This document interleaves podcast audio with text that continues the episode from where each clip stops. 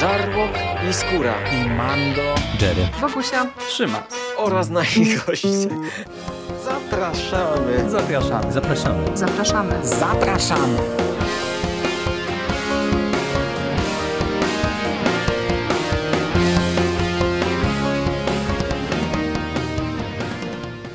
Witamy Was wszystkich bardzo serdecznie w kolejnym odcinku konglomeratu podcastowego. Z tej strony Michał Rakowicz, czyli Jerry. Jest ze mną Michał Ochnik, Misty Pop z mistycyzmu popkulturowego. Witam Cię, Michale.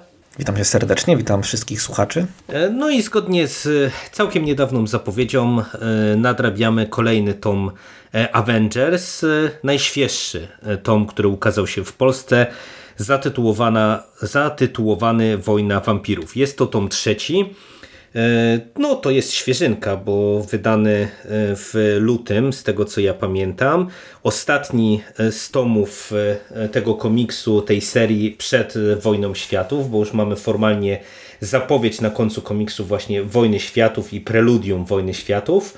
Mm, No ale najpierw zanim o tych komiksach, no to ten album, który zawiera zeszyty od 13 do 17 ze scenariuszem Jasona Arona e, i z rysunkami Andrea Sorrentino i David, e, Davida Marqueza. E, Sorrentino narysował zeszyt pierwszy, 13, e, co w sumie ma sens, że tu jest inny rysownik, to za sekundkę powiemy dlaczego. Pozostałe zeszyty, czyli od 14 do 17 mm, to jest już David Marquez. E, No i teraz tak, e, pierwszy zeszyt, e, tak jak wspomniałem, no, ma sens, że jest wydzielony, ponieważ Aaron ponownie powraca nam do wątku tych prehistorycznych Avengers. Ja przyznam się, że jestem coraz bardziej skonfudowany tym, jak on to pisze, bo ewidentnie on ma jakiś pomysł na tych prehistorycznych, prehistorycznych Avengers, ewidentnie do czegoś zmierza, tylko po prostu te komiksy, te opowieści to są wszystko takie jedno zeszytówki powrzucane tutaj, e, powrzucane w Tora i to jest dla mnie dziwny zabieg. E, I w tym komiksie, w tym zeszycie dostajemy, mm, tak jak ostatnio mieliśmy genezę Ghost Ridera prehistorycznego, tak tutaj mamy e, genezę Iron Fista, konkretnie dziewczyny, tak się nazywa zresztą ten zeszyt, dziewczyna, która uderzyła smoka, poznajemy e, pierwszą e, obrończynię ludzkości, właśnie znaną jako Iron Fist, która została e, za swoje konszachty z rasą ludzką wygnana z Kunlun. E, No i Michale, jak Ci się podobał ten zeszyt na otwarcie? E, W porównaniu do pozostałych, czy tak ogólnie? E, Tak ogólnie, to na porównanie do pozostałych to jeszcze przyjdzie pora. Okej.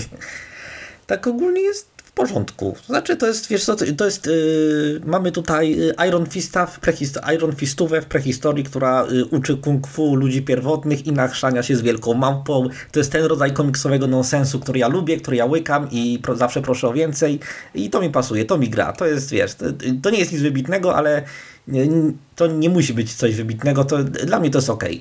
Mi się, mi się całkiem podobał. To było bardzo przyjemne otwarcie całego tomu. Tak, no to, to jest komiks przyjemny, no mówię, ja jestem po prostu coraz bardziej skonfu- skonfudowany, no bo mówię, trochę nie wiem jakby dlaczego to jest tak pisane, nie? To ty y, od dawna powtarzasz, że chętnie byś przeczytał taką serię o tych prehistorycznych Avengers i ja też, ja bym naprawdę wolał, żeby to było wydzielone po prostu do mm, osobnej serii, y, miniserii na przykład, y, czy, czy nie wiem, jakiejś tam dwu, trzytomowej y, takiej zamkniętej całości na zasadzie właśnie trochę tych, y, trochę tej genezy, później właśnie coś do czego to wszystko zmierza i tyle, no bo tak to E, No umówmy się, ja chyba nie poznam historii tych prehistorycznych Avengers do końca, e, e, jak tak dalej pójdzie, Mm, ale e, tak jak mówisz, że to jest przyjemna głupotka, to tutaj na pewno na wyróżnienie zasługują rysunki Sorrentino.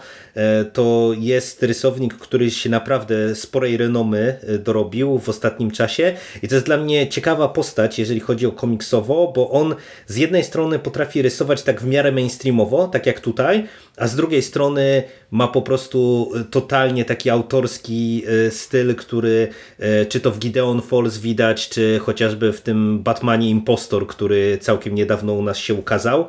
Wiesz to coś mnie świta, że on chyba też y, któregoś starego Logana pisał. Tak. Znaczy O- rysował Old i y, tam też. Mhm. I y, tam też to y, bardzo fajnie prześwitywał ten jego styl. No, także, to, także tutaj to na pewno też zasługuje na pochwalenie i to jest po prostu no, dobry zeszyt na otwarcie. Ale po tym dobrym otwarciu dostajemy tytułową Wojnę Wampirów. E, Mieliśmy podprowadzenie e, do e, tych wydarzeń w końcówce poprzedniego tomu, gdzie Blade zasilił szere- szeregi Avengers, no i właśnie dowiedzieliśmy się, że jakiś cienisty pułkownik ze swoją gwardią nieumarłych, kolejna supergrupa zła, tym razem wampirza, czy nieumarła w szeroko pojęty sposób, mm, zaczyna polowanie na wampiry, konkretnie na Drakulę.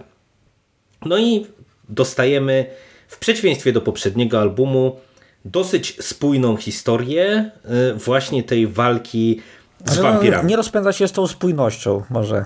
Nie rozpędza się z tą spójnością, Jerry.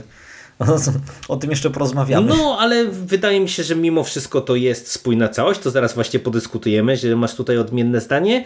E, No i przez te e, zeszyty od 14 do 17 no śledzimy właśnie e, potyczkę Avengers z, nieumarłymi, najpierw z ścienistym pułkownikiem, ich próbę opanowania wampirzej zarazy, tym bardziej, że tutaj też widać, że część tych wampirów no po prostu boi się właśnie tej, tych, e, tej ekipy cienistego pułkownika, bo on wyżyna na potęgę też jakieś pomniejsze e, klany wampirów. Mm, e, W to wszystko na którymś etapie zostaje wplątany Dracula, który poddaje się Czerwonej Gwardii. No i tak już do samego końca będziemy śledzić właśnie przygody wokół tego tematu. W międzyczasie jeszcze się pojawia wątek Ghost Ridera i, i e, jego e, jakiejś tam zaszłości piekielnej. E, No i Michale, e, narzekaliśmy bardzo mocno na ten poprzedni tom dookoła świata. E, Jak Ci się podobała ta historia z wampirami? Tak samo jak historia dookoła świata, tylko jeszcze mniej. Niestety to nie jest dobry komiks, przynajmniej według mnie. E, To jest, Aaron stosuje tu tę swoją dziwną sztuczkę, że wrzuca wszystko, co mu tylko przyjdzie do głowy i po prostu kreuje sytuację, w której Avengers muszą się z kimś napieprzać, ale nigdy nie buduje do tego kontekstu, zbyt y, takiego przekonującego kontekstu. Nigdy Dokładnie. nie, nie pokazuje nam, e, dlaczego mamy się przejmować tą walką, e, jakie są konkretnie stawki, do czego to wszystko zmierza. To jest, wiesz, to jest ten kolorowy nonsens, w którym Aaron jest czasami jest dobry, jak ma, nie wiem, może jak ma dobry dzień, ale to zdecydowanie ten komiks nie jest jego dobrym dniem, bo to się po prostu tak bardzo wszystko średnio trzyma kupy. Właśnie dlatego wcześniej zwróciłem uwagę na to, że ty powiedziałeś, że ta historia jest spójna i ona może jest spójna tematycznie i fabularnie, ale jeśli chodzi o uzasadnianie kolejnych wydarzeń, to nie byłbym taki pewien. Ja przeczytałem ten tom dwa razy. E, Raz, gdy tylko go dostałem, e, a drugi raz tuż przed naszym nagraniem dzisiaj.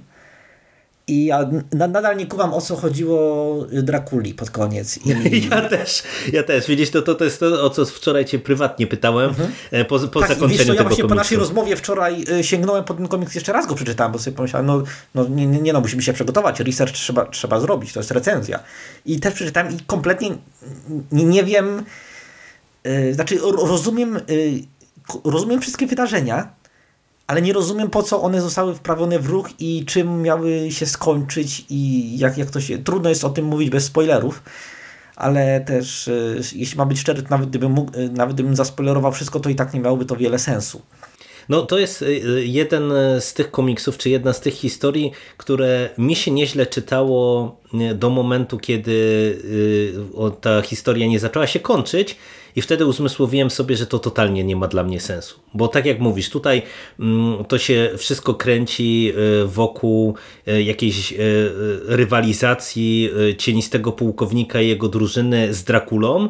Mm, No i y, jak łatwo się w sumie można było domyślić od samego początku, to, że Dracula y, oddaje się w ręce y, tej Czerwonej Gwardii, no to, to będzie jakaś jego rozgrywka mm, prowadzona z jego strony, tylko że ja próbowałem sobie to wczoraj rozkminić i według mnie mm, to totalnie te wydarzenia nie mają sensu z perspektywy y, właśnie postaci Drakuli.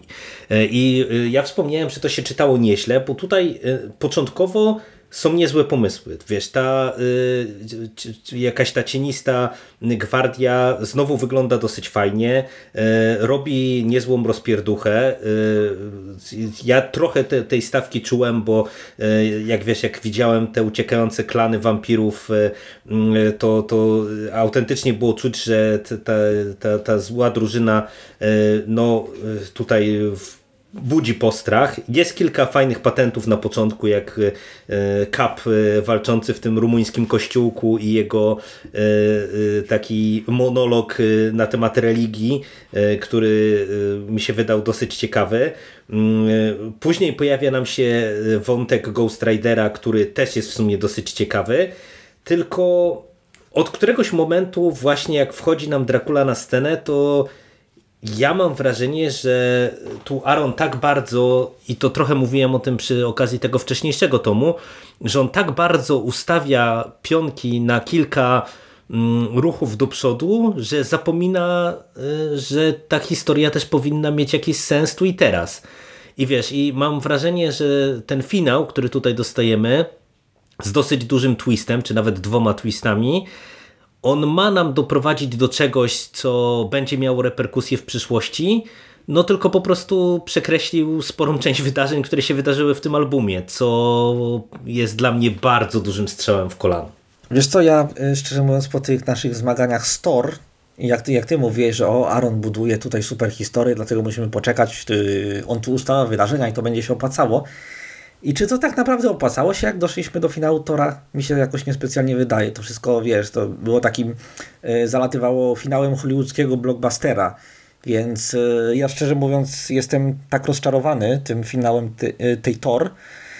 Znaczy rozczarowany tym, że Aaron ustawał wiele wydarzeń po to, żeby one koniec końców niekoniecznie miały jakiś naprawdę znaczący wpływ że y, ja, ja tego nie kupuję. Nie, ja, ja już tego nie kupuję. To, jest, y, to według mnie to jest takie tylko robienie, wiesz, y, robienie hałasu, żeby nie dotarło do nas, że to nie ma sensu. I Aaron jest najlepszy wtedy, kiedy on robi ten hałas w taki sposób, że naprawdę do nas to nie dociera, że to nie ma sensu. Tak jak, nie wiem, w Strange'u, którego też omawialiśmy, Arona. -hmm, tak Y, to właśnie, y, według mnie to był, nie licząc oczywiście Konana, bo Aaron w Konanie jest absolutnie fantastyczny.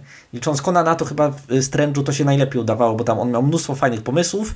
Y, może ich nie eksplorował, ale wiesz, zawsze po przeczytaniu co, coś tam zostało. Nie jakaś myśl, taki pokarm dla głowy. Ale ten tom, który teraz omawiamy, wydaje mi się, że właśnie cierpi na brak takich koncepcji. Takich e, świetnych, fantastycznych koncepcji, które Aaron lubi wrzucać i w ogóle ich e, później nie tyka. Co jest strasznie frustrujące z mojego punktu widzenia. E, I, ale, ale to zawsze jest coś, to zawsze jest coś, a w tym tomie niestety tego nie ma. Nie wiem, może ja jestem tak mocno obtrzaskany z, z popkulturą o wampirach, ale choć też mi się nie wydaje, ale tu, tutaj y, absolutnie nie było niczego takiego, co by mnie naprawdę mocno zaskoczyło. Może z wyjątkiem tego, że Blade ma y, tego człowieka z bagien, na, znaczy tego baby człowiek tak, z bagien. Tak, tak, tak. Baby Yoda człowiek z tak, bagien. E, ale, ale to, to też było takie trochę randomowe, w sensie to nie, e, nie wynikało z niczego, nie, nie, wiem skąd to się wzięło, nie wiem jaki to ma sens tematyczny. Nie, nie, to, to tam jest, więc... jest wyjaśnione, bo to ten cienisty pułkownik e, go na początku używał i on e, powiedział skąd on się wziął i że on generuje mu te, e, robi za naboje po prostu, generując te osikowe kołki. Mhm, znaczy, e, rozumiem skąd to się wzięło, ale nie rozumiem jakie to ma, wiesz, jak to się fajnie stapia tematycznie z Blade'em. Nie, no to wiesz, to ma być cool, po prostu. No, tak no, mi się wydaje. To, to... Też mi się tak wydaje. Znaczy wiesz, e, ja tutaj e, co do Thor się nie zgodzę, bo wiesz, ten finał można różnie oceniać, natomiast tamta seria moim zdaniem była bardzo mocno mm, oparta na rozbudowie e, charakterów postaci. Tam każda z postaci, które e, w finale spotykaliśmy, czyli e, czy to Thor i Jane Foster, czy to Odyn, czy to nawet Loki, czy Freya, czy cała inna zgraja postaci, które się nam przywijały, one w finale miały spuentowany ten, ten jakby to, tą część historii, którą e, przez te pięć tomów śledziliśmy, czy nawet więcej. I to było fajne, bo tam było czuć po prostu, że te postaci przeszły jakąś drogę. Tutaj podstawowy problem polega na tym, że tu w ogóle nie ma postaci. W tym sensie, że mhm. Te postaci no, są, nie jest cała ta wielka drużyna Avengers i znów, tak jak ostatnio wyróżnialiśmy jedną sekwencję z Ghost Riderem, to mam wrażenie, że znów poza sekwencją z Ghost Riderem, to tutaj cała reszta to no, po prostu jest. I, I tyle. I po prostu ma być potężnym jakimś tam e, potężną super drużyną, która będzie okładała e, wampirów. I mówię, tu jest parę m, mm, fajnych takich mikrostenek e, jakichś zabawnych czy mikrodialogów.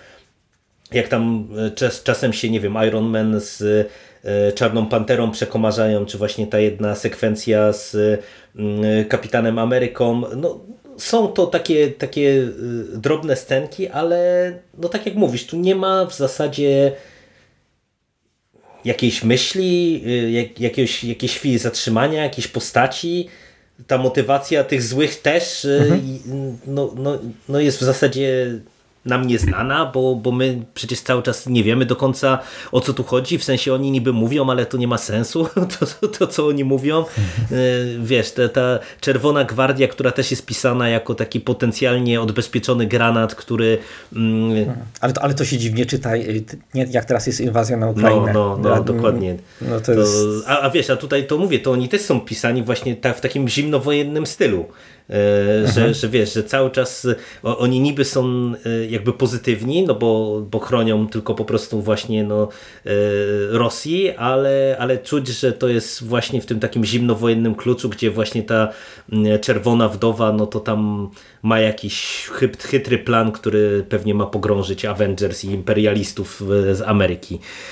No więc no to, to tak powinno być, tylko że to, to, z niczego nie wynika. No i mówię, mnie ten finał zwyczajnie, najzwyczajniej w świecie wkurzył, ci powiem, bo mm, ja po prostu naprawdę nie lubię czegoś takiego, że... Mhm. To jest takie pompowanie balonika i w końcu nic z tego nie wynika. To jest, to jest strasznie frustrujące. Ja ciebie doskonale rozumiem. Znaczy wiesz, to nawet nie to, że nic z tego nie wynika, tylko mówię, no jeszcze e, wręcz idzie w piach to, co wcześniej czytaliśmy, no bo no bo po co cała, cała ta była intryga, nie? To, to wiesz, to nawet mikroscenkę mogę przytoczyć, która no nie jest jakimś specjalnym spoilerem.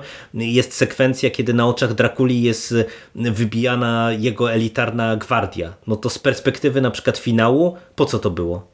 Mhm. Nie? To, to, to, to, to po prostu jest idiotyczne. Nie? Tym bardziej, że na przykład e, postać, którą widzimy w finale, która niby się chciała znaleźć w tym konkretnym miejscu, to równie dobrze mogła się sama tam znaleźć i, i przetransportować. Nie, nie potrzeba do tego było jakichś, wiesz, e, e, pseudochytrych planów. No, źle napisany jest ten komiks. Bardzo źle. Źle go oceniamy. No niestety. No niestety. Y, ale y, ma jeden plus, jest cienki. Składają się na niego ile? Cztery zeszyty? Pięć. Je, je, jeżeli, jeżeli, jeżeli doliczymy ten pierwszy, no to jest pięć. To jest od mhm. 13 do 17 zeszytu tej serii. No, a jest stosunkowo cienki w takim wypadku. To, to jest bolesne, ale to nie jest długi ból. Tak, tak. Chociaż wiesz, no to, to akurat y, ja powtarzałem to też przy tam, tym wcześniejszym tomie, bo, bo też ja trochę nie rozumiem, dlaczego ta seria Avengers jest tak y, krótka bo przez ten poprzedni album też był y, króciutki y, i akurat... Y, poprzedni? Nie, poprzedni był całkiem spory. Czekaj, on od siódmego numeru do dwunastego, to jest sześć zeszytów. Sześć zeszytów? O, no to widzisz, mhm. to a nie, faktycznie, bo to dostajemy do 17, były 2 razy 6, teraz jest 5.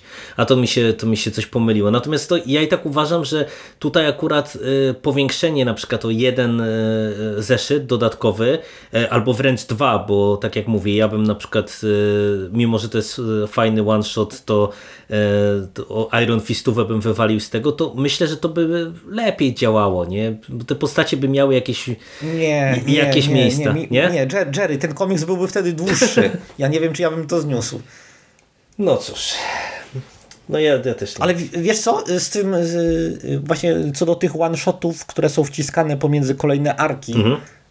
y, o prehistorii tych Avengers, mi, mi, się to podoba. To jest ta, taka, wiesz co, gdyby to był dobry komiks, to byłaby taka fajna odmiana. Nie, że czytasz sobie ark i od czasu do czasu po prostu dostajesz jedną historyjkę z odległej przeszłości, która opowiada ci o trochę innych bohaterach. To jest taki fajny, wiesz, taka fajna wrzutka od czasu do czasu. Ja yy, lubię takie rzeczy w komiksach.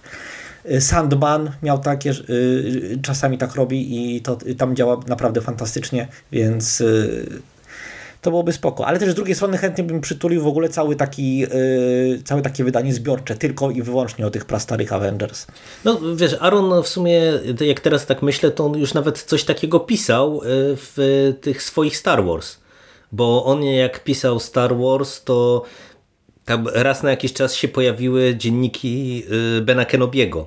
I to też była y, właśnie zawsze jednozeszytowa historia taka na zasadzie, wiesz, z przeszłości mhm. tych wydarzeń, które się działy, zupełnie oderwana od nich, nie? Także to w sumie on tak czasem pisał, ale to teraz to, tak uświadomiłem, że to pewnie oznacza, że to do niczego nie prowadzi.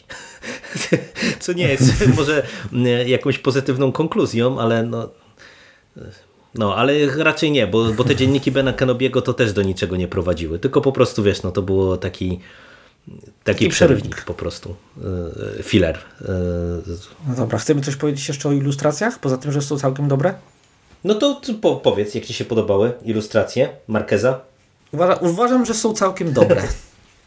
I to koniec, tak? Nie, a, nie, znaczy yy, ciężko mi coś o nich powiedzieć. Są w porządku. Yy, właśnie otworzyłem sobie komiks na losowej stronie, otworzyłem sobie ten, yy, tą całostronicową grafikę z Drakulą, tym starym, wspartym na lasce, ale na, nadal godnie wyprostowanym. Yy, I, i to jest chyba fajna też reprezentacja całego poziomu. To jest bardzo dobrze narysowany komiks. Marvel ma y, strasznie nierówny y, track record, jeśli chodzi o ilustrację. Tak mi się przynajmniej wydaje, z tego co widziałem. Ale do tych swoich największych serii, takich jak Avengers, takich jak Thor, takich jak, nie wiem, y, Iron Man, y, zawsze y, zatrudnia naprawdę dobrych rysowników i tu, tutaj te, też to działa. O, obaj panowie naprawdę fantastycznie się sprawdzili i ten komiks się naprawdę dobrze czyta pod tym względem. No, tutaj ta strona wizualna go ciągnie w górę, e, bo tutaj... Tylko okładka jest brzydka. Tak, okładka jest brzydka, ale w ogóle okładki, to, to jest dziwne w sumie, że okładki właśnie wyjątkowo mocno odstają. E, poza układką 15 zeszytu, e, tam gdzie mamy Buy this comics or, or we kill this Avenger, to, to jest dosyć zabawna okładka i ona mi się podoba podoba, ale poza tym e, ta strona wizualna moim zdaniem naprawdę tutaj dobrze działa. I tak jak ja narzekam na to, że e, Aaron tutaj, wiesz, mamy trzeci tom, a on już entą drużynę e, złą powołuje mm, do życia, to niezmiennie podoba ja wiem, mi się to wizualnie. Ja wiem, co on robi. On będzie chciał w finale te wszystkie drużyny, żeby one się napieprzały między sobą cały czas i w ten sposób będzie robił ten swój hałas, który, na którym zwykle ciągnie swoje numery. Tak mi się wydaje. No, tak ja, ja niestety patrząc na to, że mamy właśnie wojnę światów za rogiem, to też tak obstawiam i tylko wiesz, pewnie część drużyn będzie po stronie Malekita, a część będzie po stronie Avengers. Ale to mnie nie nastraja optymistycznie, szczerze mówiąc, do tego eventu, bo bo na razie to poza fajną, e, fajnym designem tych postaci, bo tutaj też e, ta ekipa nieumarłych e, mhm. naprawdę fajnie to, się prezentuje. No, a szkoda, że się takie fajne designy marnują. Ja na przykład, kurczę, jakby mnie Marvel zatrudniał, bym sobie wziął je, je, którąkolwiek z tych postaci, bo one są fantastycznie zaprojektowane. Mhm. Wziąłbym sobie postać i zrobił o niej jakąś miniserię. W ogóle rozwijającą, eksplorującą jej przeszłość w ogóle i kurczę, taki to jest, takie to jest marnotrawstwo że fantastyczni rysownicy, projektanci, designerzy projektuje naprawdę świetnie wyglądające postacie, a potem bierze je taki Aaron i je po prostu miesza w takiej kolorowej zupie. No niestety tak. No niestety tak. No cóż, tak jak słyszycie, y, no nie jesteśmy znowu zadowoleni z tego komiksu. Y, myślę, że nie ma co w ogóle ukrywać, że to jest najgorsza serią, którą, którą my wspólnie omawiamy. Tak, no zdecydowanie. I, I niestety ten poziom już nie był wysoki w tym pierwszym tomie, ale wydawało nam się, że może to jest rozbiegówka, ale on, on pikuje i... Tobie się wydawało. Ja, ja wiedziałem, że tak będzie. No cóż, e, e, ja ci powiem e, tylko jedno, drogi kolego, że mamy Wojnę Światów teraz już w tej serii i Czekaj, czekaj, kiedy to, to u nas wychodzi? Kiedy? Wydaje mi się, ale tego nie pamiętam, że to ma wyjść w maju. Mhm. I ja się o tyle cieszę, że sam e, ten główny event y, y, pisze Aaron, ale rysuje Dauterman, czyli najlepsze duo scenariuszowo-graficznie na razie. No, no to, e, także, także to... No, gra, graficznie, graficznie no. tak, to się zgodzę, zdecydowanie. Dauterman jest fantastyczny. No, to prawda, także to pod tym kątem to się przynajmniej będzie dobrze oglądało, ale e, ja kończę z Avengers po tym evencie, bo, bo ja już straciłem nadzieję, że że ta seria e, dalej się poprawi i, i naprawdę wolę te, wiesz, serie komiksowe o poszczególnych postaciach jak już. Tak, niezły mi Marvel Fresh, naprawdę. Tak, tak. No niestety, no to jest w ogóle z tej perspektywy to e, wiesz, zaraz e, e, będziemy omawiać kolejny komiks z tego worka. E, No i ja jestem ciekaw, na ile on będzie dobry, interesujący, bo póki co ja to, to też tak jak jestem rozczarowany tymi Avengers, taki ja jestem mimo wszystko cały czas na razie rozczarowany tym Marvel Fresh całościowo. Bo owszem, no, my chwaliliśmy Venoma, chwaliliśmy, chwaliliśmy Immortal Hulka, ale nawet te serie na etapie tych pierwszych tomów mnie nie rzuciły na glebę i jak się cofam e, do... Nie no, Hulk był naprawdę No fantastyczny. był, był dobry, ale no, ty wiesz, że skoro mnie Hulk nie kupił, najlepszy z tego worka e, był chyba Venom, ale wiesz, to nie jest tak, że ja, ja krytykuję tę serię, tylko wiesz, tylko że to jest tak, że e, no, no zobacz ile my już tych komiksów e, z tego Fresh przeczytaliśmy, no i co, dwa komiksy, nawet uwzględniając właśnie tego Hulka, y, żeby były dobre. Doktor Strange był jeszcze całkiem, do, całkiem, całkiem taki okej. No tak, ale wiesz, Strange. ale nawet bardziej jak spojrzymy sobie wstecz, no to w Marvel tym Now i w Marvel Now 2.0 jednak tam wyższy był poziom, mam wrażenie, tych serii. Ale to może jest moje wrażenie. No nic, nie, nie ma co gdybać. Na jakieś podsumowanie Mhm. Marvel Fresh to jeszcze przyjdzie, przyjdzie pora pewnie. No, będziemy mogli zrobić jakąś y, taką przegadówkę naszych doświadczeń z Marvel Fresh. Taki, wiesz, y, przekaz. No, dokładnie.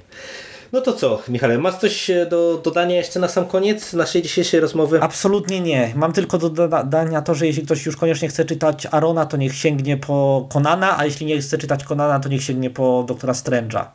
I bo to seria Avengers naprawdę proszę ją spisać na straty, proszę się w ogóle nie, nie inwestować. To, to, to nie jest dobry komiks, yy, są lepsze. A ja jeszcze też y, dopowiem ze swojej strony, że według mnie, nawet jeżeli tutaj jakieś tropy, y, które się pojawiły w tych trzech tomach, y, wrócą w Wojnie Światów, to też nie ma sensu w nią inwestować, bo to będą pewnie tak y, mikroskopijne nawiązania, że, no, że myślę, że naprawdę można w dzisiejszych czasach wysokiej inflacji i wysokich cen komiksów, które zaraz będziemy mieli, naprawdę y, lepiej sobie coś innego e, No. e, kupić. Trzeba zaciskać pasa i yy, nie, nie nie ma co tracić yy, cennych pieniędzy na takie buble.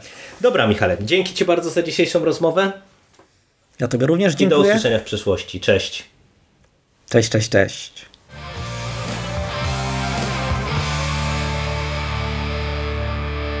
You finished? That's it, man. Game over, man. It's game over. What the fuck are we gonna do now? What are we gonna do? It's over. Nothing is over! Nothing! You just don't turn it off!